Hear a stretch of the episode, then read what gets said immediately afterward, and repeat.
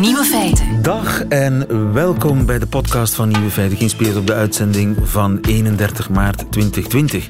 In het nieuws vandaag dat in het Zweedse Huddingen bij Stockholm de truc gevonden is om social distancing te combineren met toerisme.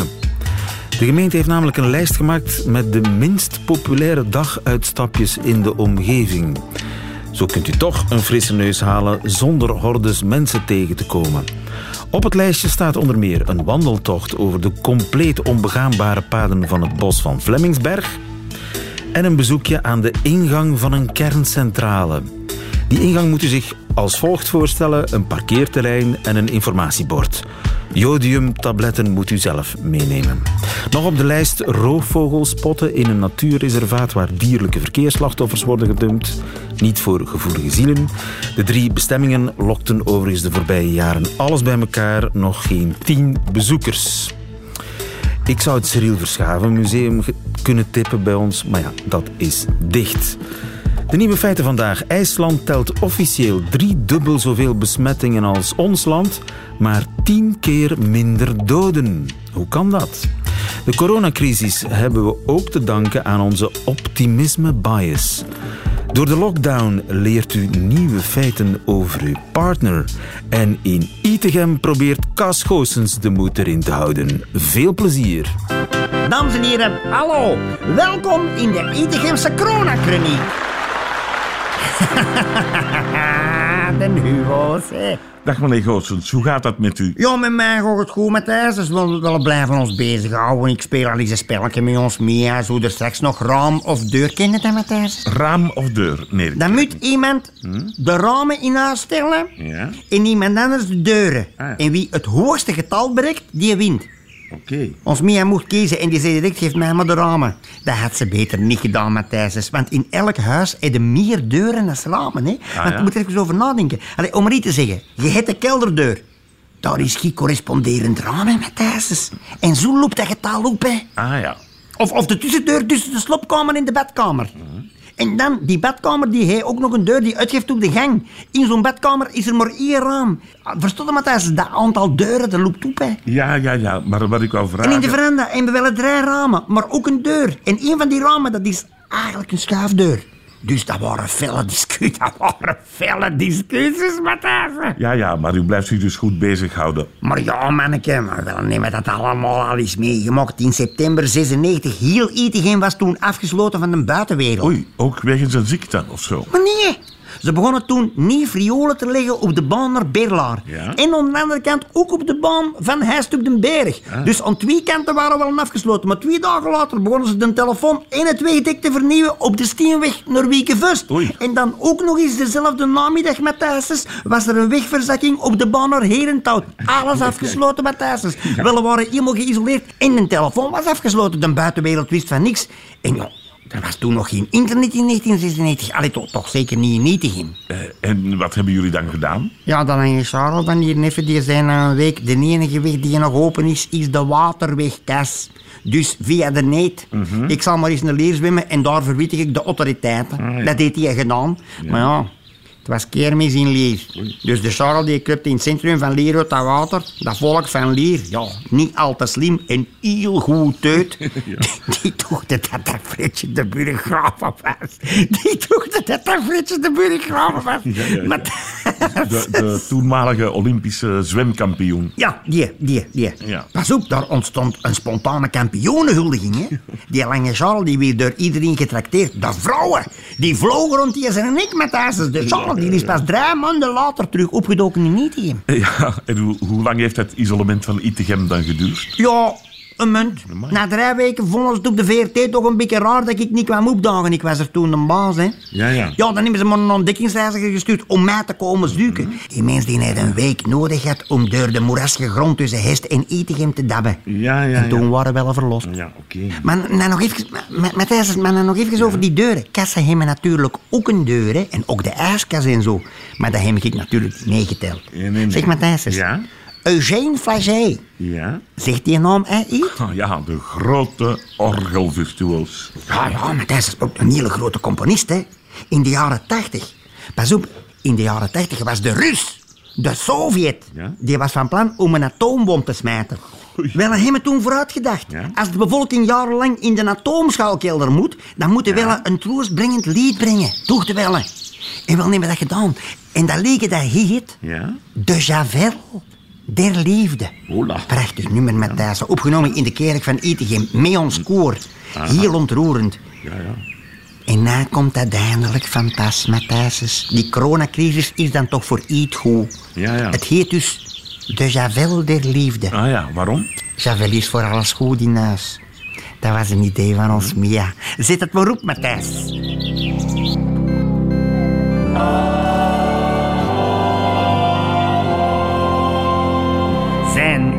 Gedachten zo zwart als rood? Met de javel der liefde krijgt het dat allemaal goed. Staat op de rand van een depressie, dan zeg ik awel. Laat dan uw hersens bij wijze van spreken wat weken in javel. Het leven kan soms wat moeilijk Soms voelde je je als een wc-blokje in een smerige piscijn. Maar denk eraan in deze moeilijke tijd. De javel der liefde brengt altijd respect. In tijden van grote onzekerheid zorgt de Javel der liefde voor meer helderheid. Dames en heren, verlies niet alle moed. Want met Javel der liefde komt alles goed. Met Javel der liefde. Ja, ja. Geef dan een eigen een applaus, dames en heren.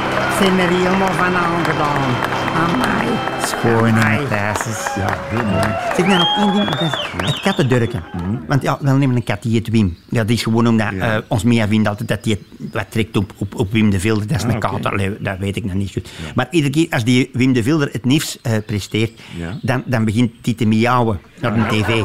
Ons Mia heeft gezegd, weet je wat, we moeten nog twee katten in huis nemen en we noemen die Goedele en Martin. En dan moeten we zien dat er een logica in zit, dat die dan ook stopt te miauwen naar die Goedele of die Martin.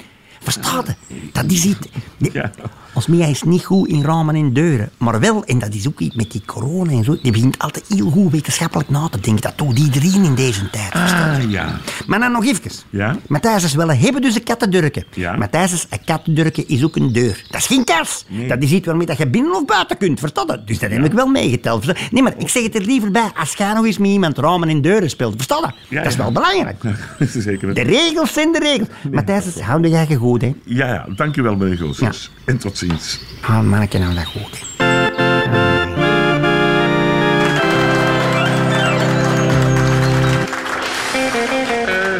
Nieuwe feiten. Radio 1.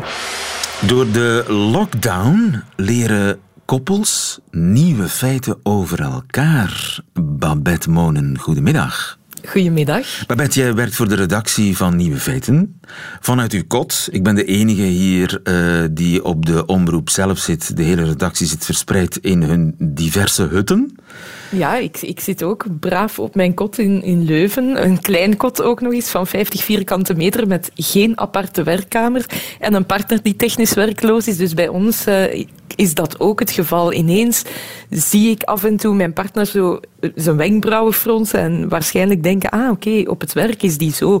Ehm, en op sociale media zie je dat ook heel erg veel terugkomen, dat mensen nu plots beseffen dat hun partner tussen 9 en 5 misschien net iets anders is dan thuis. Een ander gezicht laat zien. En wat schrijven mensen zoal op de sociale media? Wel, we gaan eerst één misverstand de wereld uithelpen. Het is niet zo dat er al sprake is van gigantische persoonlijkheids- of gedaanteverwisselingen, zoals weerwolven of vampieren die s'nachts iemand anders worden. Mensen blijven tussen 9 en 5 natuurlijk wel nog dezelfde, maar vaak komen bepaalde karaktertrekken in het werk plots wel naar voren, die thuis ja, eigenlijk, eigenlijk nooit aan, aan de orde zijn. Je hebt bijvoorbeeld, we kennen allemaal wel zo de collega waarvan je denkt, die heeft thuis vast niks te zeggen en daarom doet hij zo bot uh, tegen mij op het werk. Die hebben we allemaal, dat komt ook terug op sociale media, mensen die dan ineens heel verwonderd zitten te kijken van mijn partner vindt eigenlijk alles wat ik doe en zeg altijd oké, zegt altijd vriendelijk ja, vindt het niet erg als de kinderen een beetje vervelend doen, vindt alles altijd goed. En op het werk wordt dat dan ineens iemand die altijd controle wil hebben, die mensen afblaft, die ongelooflijk bot kan zijn. En dan denken mensen, ja, oké, dat, dat, wist ik niet. Maar omgekeerd kan het ook. Ik las uh, een, uh, een, bericht van uh, een zekere Rose Tucker. En die hoorde haar man plots in een meeting zeggen... Wat kan ik doen om de situatie beter te maken? En ze zegt, ik ben nu al twaalf jaar met deze man getrouwd. Ik klaag minstens drie keer per week dat hij wat meer zou mogen doen in het huishouden. Maar die zin heb ik nog nooit uit zijn mond horen komen. Dus je hebt ook het omgekeerde. Mensen die thuis misschien denken van, ik hou het hier allemaal in de hand. En op mijn werk ja, stel ik mij wat gedienstiger op. Dat komt ook voor. Ja, mensen gaan soms anders praten op het werk dan thuis. Ook dat, inderdaad. Um, je hebt heel veel mensen die plots van dat management lingo beginnen gebruiken in meetings. En dan hoor je je partner plots zeggen van uh, ja, zullen we dat anders volgende week even vastpakken? Laat ons dat parkeren. Ik ga even overleggen met high level en kom dan bij je terug voor we dat een go kunnen geven. En ik kan mij dus voorstellen dat als je dat merkt van ik ben samen met iemand die dingen parkeert en een go geeft, dat je dan jezelf wel eventjes vragen stelt. Zo van oké, dit wist ik niet over jou.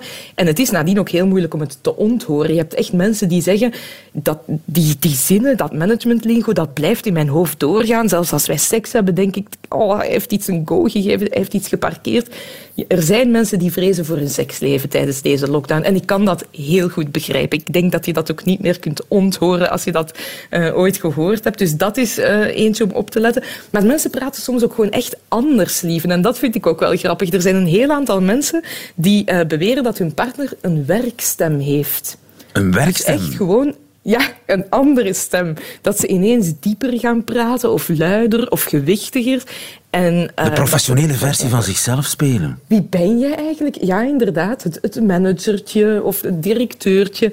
En dat is natuurlijk heel grappig om te zien als jij je partner gewoon kent als een lieve gast die dan ineens denkt met een diepe stem en een luide stem ga ik, uh, ga ik iets meer gezag hebben. Dan merk je plots misschien van mijn partner speelt tussen 9 en 5 een rol of speelt thuis een rol. En dan ja. moet je daar weer over gaan hebben. Dus het, het is wel complex. Ja, je merkt plotseling hoe jouw partner is op het werk. En dat is iets waar je anders nooit een beeld van krijgt. Je bent er nooit bij op, op het werk.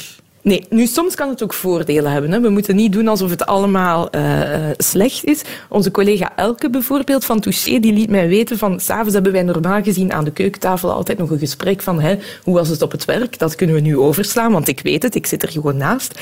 En het leuke is, zei ze, ik zie mijn partner dan de hele dag bezig en ik zie hoe slim die is en hoe goed dat hij alles aanpakt. En dan denk ik van wauw, dat is eigenlijk heel sexy. Ik heb een ontzettend slimme partner die, die de dingen goed kan aanpakken. Dus het kan ook in je voordeel uitdraaien. Wat deze lockdown eigenlijk vooral bewijst, is dat je zelfs na 36 jaar huwelijk, bij wijze van spreken, nog altijd dingen kunt ontdekken van je partner die normaal gezien alleen tussen 9 en 5 naar boven zouden komen. Ja. En zou jouw partner al iets geleerd hebben over jou? Wel, ik heb het hem gisteren gevraagd en hij zei bedeesd, nee, nee, dat valt allemaal goed mee. Maar ik vraag mij nu af, Komt dat omdat we weten dat we hier nog een heel aantal dagen of misschien zelfs weken vastzitten op die 50 vierkante meter en komt de aap later uit de mouw? Of was dat helemaal eerlijk? Dat ga ik later weten te zeggen. Ja, je leert wat bij tijdens zo'n uh, lockdown. Dankjewel, Babette Monen vanuit haar uh, kot in Leuven. Goedemiddag. Alsjeblieft. Lieven van den Houten. Nieuwe feiten. Ja, we zitten met de gebakken peren in de hele wereld eigenlijk. Uh, in Amerika zeker, bij ons ook. In heel Europa. En dat heeft voor een deel te maken met ons aller optimistisch vooroordeel. Jelle de Manin, goedemiddag. Goedemiddag. Je bent neurowetenschapper aan de Universiteit van Gent en aan de Hogeschool in uh, West-Vlaanderen. Ja, West. Het optimistisch ja. vooroordeel, wat is dat? Ja, dat is eigenlijk een sterke bias die wij als mens hebben om onze eigen toekomst altijd positiever in te schatten dan van onze naasten. we hebben een neiging om uh, onze toekomst dus positiever in te schatten en dus de kans dat wij negatieve dingen gaan meemaken eigenlijk te onderschatten dan onze naasten. Het zal mij niet overkomen. Het zal mij niet overkomen. En dat is een zeer hardnekkige bias, uh, die er waarschijnlijk ook mee voor gezorgd heeft dat land na land eigenlijk de, de ernst van de situatie niet, niet, uh, niet sterk genoeg inschat en dat dus te laat uh, naar sterke maatregelen is overgegaan. Ja, de optimism bias, dat is een wetenschappelijke term. En dat is uh, met name wat landen met een, met, ja, met een hoog zelfbeeld. Denk aan Nederland, denk aan Zweden, denk aan de UK. Landen waarvan ze zeggen: ja, maar wij, wij kunnen dat toch aan. Ja, ja. dat die eigenlijk te laat in actie schieten. Ja, want inderdaad, zoals je zegt, die optimism bias heeft eigenlijk ook heel erg positieve gevolgen. Het laat ons toe om, uh, om, ons, om initiatieven te gaan nemen en soms een risico, een risico te nemen om vooruit te gaan. Dus in onze evolutie is dat zeer belangrijk geweest. En dat is ook de reden waarom dat die zo hardnekkig uh, zit ingebakken in onze hersenen. Het is een overlevingsmechanisme. Zonder die optimism bias zouden we, niet, zouden we eigenlijk s ochtends in ons bed blijven liggen. Inderdaad, inderdaad. Het heeft ook, allez, onderzoek heeft ook getoond dat het een, een sterke relatie heeft met een goede mentale gezondheid. En mensen die, die bijvoorbeeld uh, uh, depressief zijn, hebben deze, deze bias niet. en wat men ook gevonden heeft, is dat de gebieden die instaan die deze, in de hersenen die deze bias gaat veroorzaken, namelijk de, de connectie tussen de, ons emotionele brain en ons motivationele brein, dat dat verstoord is bij mensen met een, met een depressieve stoornis. Aha, dus die, die zien, mensen met een depressieve stoornis zien de wereld en het leven scherper. Die, die, hebben de, ja, de, geen vooroordeel, die missen een vooroordeel, namelijk dat alles wel die goed missen, zal komen. Die missen een beetje een naïef vooroordeel over de wereld en men, heet, men noemt het depressief realisme. dus dat is het, het feit dat mensen die depressief zijn eigenlijk de situatie realistischer inschatten dan de gemiddelde mens. Ja, en eigenlijk hadden wij een beetje realistischer geweest, dan hadden we kunnen weten, gezien de gebeurtenissen in China, wat ons vandaag overkomen is. Hadden we dat eigenlijk beter kunnen voorspellen? Ja, inderdaad, maar aangezien dat het zo hardnekkig is en dat natuurlijk een beleid uh, afhangt van een draagvlak bij de, bij de bevolking, dan ga je eigenlijk eerst moeten de mensen gaan overtuigen hoe, st hoe sterk de, de, de allez, hoe erg de situatie is voordat dit deze bias kan doorbroken worden. Ah ja, vandaar misschien ook die, die stapsgewijze invoering van de lockdown. Dat het ja. niet in één keer gegaan is, want dan bots je op die optimism bias. Voilà, dat is een heel hardnekkige bias. En uiteindelijk, wat heeft de overheid moeten doen? Ze hebben eigenlijk een strategie moeten gebruiken om die bias te doorbreken, door eigenlijk mensen heel hard met de neus op de feiten te gaan drukken. En dat is denk ik wat we gezien hebben de voorbije weken, is dat er heel sterke negatieve voorbeelden, hele sterke gevallen werden in het licht geplaatst om mensen eigenlijk bang te doen krijgen, angst aan te jagen. Want dat is, een, is nog altijd een zeer sterke strategie om gedragsverandering te gaan uh, bewerkstelligen. Ja, en aangezien dat we ook lockdown-parties hebben meegemaakt, dan uh, blijkt ook hoe moeilijk dat, dat is, die optimism bias te gaan uh, doorbreken. Dat ja, optimistisch voordeel van mij, mij overkomt het toch niet. Ja. Nee, maar dat heeft natuurlijk wel... Allez, dus inderdaad, hè, die, die, die feestjes hebben, hebben getoond dat het wel nodig was hè, om, ja. om, om gedragsverandering echt te gaan bruskeren. Maar de keerzijde van de medaille is natuurlijk is dat, allez, dat deze strategie er ook voor gezorgd heeft dat net de mensen die het risico nemen om voor zieke mensen te zorgen en onze voedselvoorziening in stand te houden, nu ook een optimisme wat beginnen te verliezen. Want de angst, eh, je hoort toch overal dat de angst wel toeslaat in de zorgsector. Mensen zijn onzeker. Ja. Ze weten niet meer welk, welk gedrag ze moeten stellen. Dus dat is een moeilijke zelf, evenwichtsoefening. Aan de ene kant moet je die optimisme bias doorbreken, dat optimistisch vooroordeel, maar je mag niet te veel doen, want uh, ja, nee. dan wordt iedereen nee. uh, verlamd door paniek. Ja, dus de boodschap, ja, de boodschap is, je mocht je kot niet uit, maar zij moeten hun kot uit. Uh, dus inderdaad, dat is een zeer moeilijke evenwichtsoefening. Uh, en ik denk persoonlijk, en, en, en de literatuur toont dat ook aan, dat de enige remedie daartegen is, is, is vanaf de overheid meer te weten komt over, over het verloop van deze ziekte en de risicofactoren, is dat er daar heel transparant over gecommuniceerd wordt. Waardoor mensen eigenlijk terug het gevoel krijgen dat hun gedrag een, een impact heeft. Dat ze terug controle hebben op de situatie. En dat is denk ik uh, de, de, de, richting dat het, dat het nu moet uitgaan. Transparant uh, informeren, dat betekent niks achterhouden en gewoon de waarheid zeggen. En ik moet eerlijk zeggen dat we wat dat betreft toch niet slecht bezig zijn. Nee, Inderdaad, inderdaad. Maar het is een, het, allez, zoals ik zei, het, het, is een zeer complexe situatie en de overheid moest ook die stap zetten om gedragsverandering bij iedereen te bewerkstelligen. Maar het is, het, is, het is een zeer moeilijke evenwichtsoefening. Maar gelukkig, als ik met een positieve noot mag eindigen, is de geschiedenis heeft ons wel getoond dat grote rampen soms die bias kunnen doorbreken, maar dat deze altijd zeer sterk herstelt.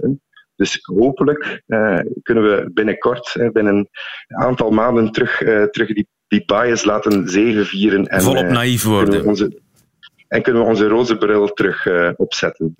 Jelle de Manet, dankjewel voor deze mooie woorden. Goedemiddag. Goedemiddag, graag gedaan. Radio 1. Nieuwe feiten. Zeer droevig nieuws. Gisteren is een meisje van 12 overleden aan uh, COVID-19. Na drie dagen koorts is ze plots achteruit gegaan. Herman Goossens, goedemiddag. Goedemiddag. U bent een microbioloog aan het UZ in Antwerpen. Ik schrik daarvan. Schrikt u daar ook van? Meisje van 12. Ja, ik ook natuurlijk. Hè. Ja, kijk, het is, het is uh, zeer zelden dat het gebeurt, maar het kan. Ik ken geen details over dit meisje. Maar we weten bijvoorbeeld dat uh, dit virus uh, het hartweefsel kan aantasten bij mensen op jonge leeftijd. Um, ik weet niet of dit hier de reden was van overlijden. Um, maar het, het gebeurt dat, dat, dat, jonge mensen sterven aan dit virus. Maar nogmaals, het is, het is toch wel heel uitzonderlijk hoor. Het is heel uitzonderlijk. De meeste kinderen en tieners lijken weinig last te hebben van COVID-19. Maar er zijn altijd uitzonderingen. Er waren eerder al tieners uh, bezweken aan het virus. Ik dacht in Frankrijk en in Portugal. Mogelijke verklaring zou dus kunnen zijn dat het virus zich op het hart heeft gestort. Dat zou een mogelijkheid kunnen zijn. Dus zijn misschien ook andere redenen waarom dat, uh, uh, jonge mensen plots kunnen sterven. Maar we weten alleszins inderdaad dat het virus het hart kan aantasten. er waren ook, dit weekend was er ook een geval in Zweden van een jonge persoon die eraan bezweken is. Dat gebeurt, maar dat zagen we ook. Dat zien we ook met influenza-virus. Ik heb ook zo'n aantal uh, personen gekend uh, die uh, plots bezweken zijn aan het influenzavirus, waarbij het hart ook wordt aangetast. Dus dat, dat gebeurt bij dergelijke virussen. Ja, dus ook aan de griep kunnen hele jonge mensen doodgaan. Nu, we leren elke dag iets bij over COVID-19, dat nieuwe coronavirus. ik was nogal verbaasd toen ik de cijfers in IJsland bekeek. Want in IJsland daar is iets raars aan de hand in vergelijking met ons land zijn er daar bijna drie keer zoveel mensen besmet met het coronavirus. Althans, dat zijn bevestigde besmettingen. Drie keer meer dan bij ons. En toch vallen er tien keer minder doden. Eerst en vooral, hoe verklaart u dat hoge aantal besmettingen in IJsland? Ja, maar dat komt omdat IJsland is een bijzonder land. Hè. Dus IJsland uh, heeft een, uh, een bedrijf dat heet Decode. En dat is een bedrijf dat eigenlijk um, um, de genetische kenmerken onderzoekt van de volledige IJslandse bevolking, wat eigenlijk vrij uniek is. Hè. Dus IJsland is 360.000 mensen. De genetische code wordt daar in kaart gebracht uh, van de IJslanders. En eigenlijk kunnen ze heel perfect traceren wie met wie verwant is. Dat is, dat is eigenlijk heel uniek in de wereld. Nu, met deze uh, pandemie hebben ze al die mensen die daarop werken in dat bedrijf uh, Decode stilgelegd. En die hebben dus uh, zich moeten, laten zeggen, heroriënteren naar uh, het ontwikkelen van de diagnostiek uh, voor dit coronavirus. En dus is de bedoeling dat men in IJsland inderdaad op grote schaal gaat testen. Uh, waardoor dat ze zoveel meer vinden dan bijvoorbeeld in België. Maar dat komt opnieuw omdat zij mensen testen die symptomen hebben, maar zij testen ook mensen die geen symptomen hebben, bijvoorbeeld in contact geweest zijn.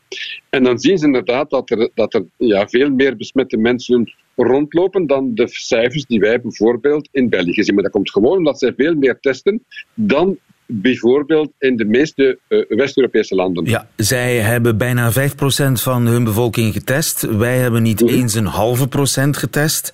En dat komt omdat mhm. zij eigenlijk ja, hun eigen test ontwikkeld hebben, aangezien ze dan toch die genetische ja, analysecentra, die genetische studiecentra hadden.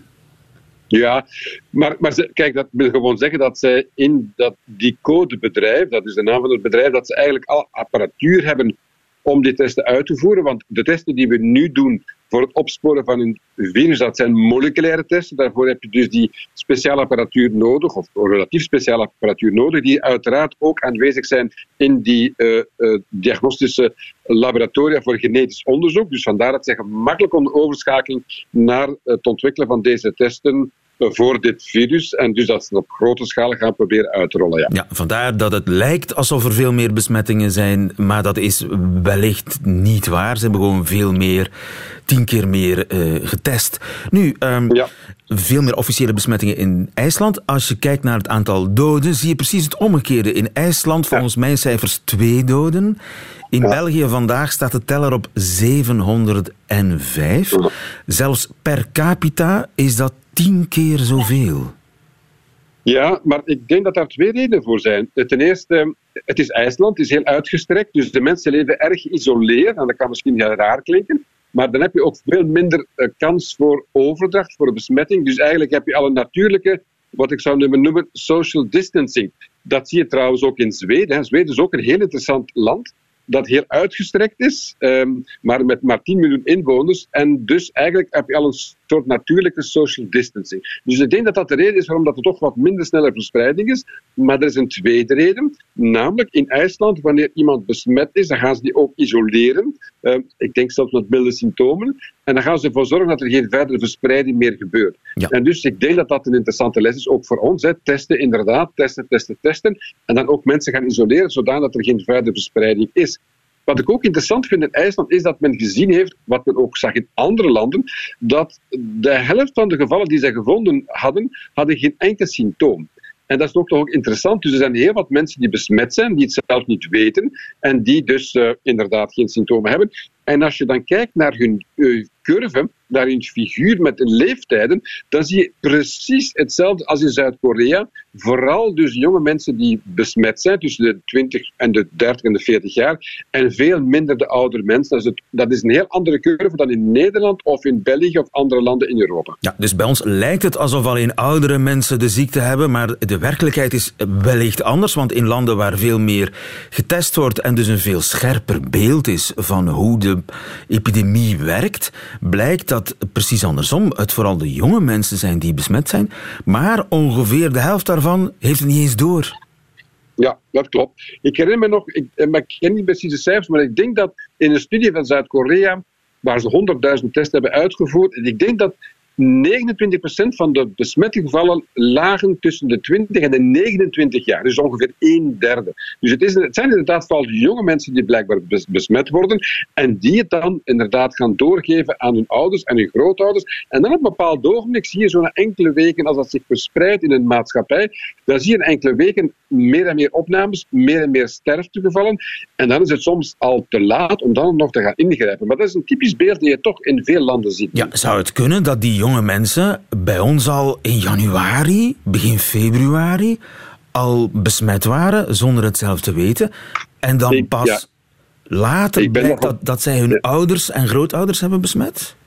Ik ben daarvan overtuigd, ja. En ik denk dat we dat gaan weten uh, vrij snel. Eens dat wij, kunnen, uh, eens dat wij uh, serologische testen hebben die betrouwbaar zijn, dan gaan we kunnen kijken naar serumbanken. Dus dat zijn um, diepvriezers waar heel wat serum wordt bijgehouden van januari, februari, maart, dan zouden we kunnen gaan kijken of je inderdaad al antistoffen terugvindt bij mensen in januari, februari en maart. En zo kunnen we zien of het virus zich al verspreid heeft in januari, februari en maart. Um, en of het inderdaad zich dan verder heeft, uh, of, of, het al aanwezig was, maar ook of het zich verder verspreidt. Dus we gaan het kunnen weten binnen enkele weken of dat het inderdaad al aanwezig was. Wat mij nog niet helemaal duidelijk is, uh, hoe kun je nu uh, andere mensen besmetten als je niet hoest of niest? Want dat is, dat is toch de autostrade van de, van de virus, hè? Ja, dat dachten we in het begin ook, hè, maar dan zagen we toch uit een aantal studies dat het virus ook op oppervlakte kan overleven. Ehm, enkele uren zelfs. En dus ja, het volstaat dat iemand bijvoorbeeld eh, besmet is met het virus, die bijvoorbeeld hoest of niest zeg maar wat in zijn of haar hand, wat natuurlijk niet zou mogen, maar stel dat dat gebeurt, die persoon raakt een klink aan en u komt dan uh, enkele minuten later op, uh, eraan en u gaat, u gaat de deur openmaken met diezelfde klink, dan gaat u dat virus op uw handen uh, hebben en als u dan uw gezicht aanraakt, dan gaat u zichzelf besmetten. Ja, en iedereen hoest of niest wel een keer, ook al ben je niet ziek. Absoluut, ja. Dus uh, wat blijkt dat hoe meer je test, hoe meer je de epidemie in de hand kunt houden. Uh, ja. Dat blijkt in alle landen waar veel getest wordt. Wij gaan binnenkort ook meer kunnen testen. Dus dan gaan wij ook die lockdown misschien wat sneller kunnen beëindigen, aangezien we beter beeld hebben over van wie besmet is. En, en dus meer gaan testen. Ja. Ik denk interessant. Kijk, er zijn twee mogelijkheden. Dus ten eerste, we moeten absoluut, absoluut meer gaan testen. Hè. Goed, dat gaat opgedreven worden naar 10.000. Dan moet je natuurlijk prioriteiten stellen. Je moet zien waar je je capaciteit het best kunt inzetten. Dat zal dan ongetwijfeld in de ziekenhuizen zijn en in de woonzorgcentra. Maar dan geleidelijk aan moet je toch meer gaan testen. Moet je nog mensen gaan testen met milde symptomen, um, die zich nu niet aanbieden in de ziekenhuizen, moet je de contacten gaan testen binnen een huisgezin. En dan komt het erop aan om twee zaken te doen. Ofwel doe je zoals in China, en dan haal je die mensen weg uit hun gezinnen, en dan ga je die plaatsen als het ware in hotels, of in grote slaapzalen, of in sportstadia en dergelijke meer. Dat is wat ze in China gedaan hebben. Ofwel zeg je, we gaan die mensen, als het niet kan, in hun gezin laten, maar dan moeten we wel zeer duidelijke richtlijnen uitvaardigen en ook laten toepassen door die mensen om ervoor te zorgen dat ze, zich, dat ze niet anderen gaan besmetten binnen huisgezin. En dat, dat kunnen we perfect doen. En we zouden kunnen zeggen aan die mensen, kijk, u bent besmet, u mag in uw gezin blijven, maar u moet in een aparte kamer gaan. U mag niet, als u ouders zijn, slapen met uw partner. U mag niet de badkamer delen tegelijkertijd met andere personen. De, de, de linnen moet regelmatig uh, gewassen worden, de handdoeken. U mag niet samen eten. Dus je zou zo'n maatregel kunnen afdwingen gedurende één week tot tien dagen. En misschien zou op die manier ook een aantal verspreidingen kunnen voorkomen. Dus ik denk dat er twee mogelijke scenario's zijn die ik, eh, waarvan ik denk dat we die moeten overwegen in de toekomst. Want meer testen, dat is uh, inderdaad de sleutel om de epidemie uh, niet alleen te beperken in het begin, maar ook in de, de slotfase, zeg maar, om die lockdown-maatregelen iets soepeler te maken voor die algemene lockdown-maatregelen voor de hele maatschappij. Dr. Goossens, dankjewel andermaal voor dit gesprek en goedemiddag. Graag gedaan hoor. Dank u daar. Dat waren ze, de nieuwe feiten van 31 maart 2020. U krijgt alleen nog die van Nico Dijkshoorn in zijn middagjournaal. Nieuwe feiten. Middagjournaal. Beste luisteraars. Vanochtend zag ik een filmpje op YouTube van de countryzanger Keith Urban. Eerst wil ik het even over die naam hebben. Ik geef het maar gewoon toe hier. Ik ben stikjaloers. Zelf heet ik namelijk Nico Dijksoren. Als ik had mogen kiezen, dan zou ik zelf heel graag Jensen Streetwise hebben geheten. Als mijn naam dan per se een Nederlandse naam had moeten zijn, dan had ik heel graag Kees Graan Silo geheten. Dat komt een beetje in de buurt van Keith Urban. Kees Graan Silo, dat zou een naam zijn geweest die de verbeelding meteen aanzet. Ik zou hier dan, in het programma Nieuwe Feiten, veel fijner worden aangekondigd. Het is tijd voor het middagjournaal. Benieuwd wat Kees Graansilo in Leiden vandaag weer allemaal heeft meegemaakt. Maar goed, over dat filmpje van Keith Urban. Hij zit in een studio van 2 miljoen euro en vlak naast hem op een krukje zit Nicole Kidman, de actrice die inmiddels zo dun is dat ik minutenlang dacht dat ze een loshangende gordijnrails was. En Keith Urban bedankt de mensen in de gezondheidszorg. Nu hij niet meer kan optreden en opgesloten zit in zijn kelder, is hij er opeens achter gekomen dat hij eigenlijk al een leven lang liedjes voor gezondheidswerkers schrijft. Dat is een van de bijwerkingen van het coronavirus. Dat artiesten die niet meer kunnen optreden allemaal opeens een diepe emotie voelen bij gezondheidswerkers. Keith speelt een liedje en herinnert zich daarna opeens dat er binnenkort een video van wordt uitgezonden. Nicole Kidman, die zit nog steeds naast hem te hopen dat hij niet net zo gek wordt als haar ex-man Tom Cruise, die nu als Scientology-lid feest om het einde der tijden viert. Tom Cruise. Ook alweer zo'n jaloersmakende naam. Zo zou ik ook wel hebben willen heten. Maar dan de Nederlandse verkeerde vertaling. Tom Kruis. Ik zou ook meteen strakke broeken gaan dragen. Maar toch nog heel even over Keith Urban. Hij doet wat bijna alle artiesten nu doen: iets zingen over corona. In de hoop dat ze na hun uitgebluste carrière weer een nanoseconde op de televisie komen. Maar de televisie, dat is de verkeerde weg. Voor heel veel aandacht moet je bij de radio zijn. In het programma Nieuwe Feiten laten ze me al jaren gewoon mijn gang gaan. Al die tijd werk ik gewoon al uit mijn huis. En ik doe het natuurlijk vooral voor mezelf. Omdat ik mijzelf zo graag hoor. Maar omdat het nu rare tijden zijn, luisteraars. Nu, met de stem van Kees Graansilo. Dit middagjournaal was voor jullie, radiowerkers.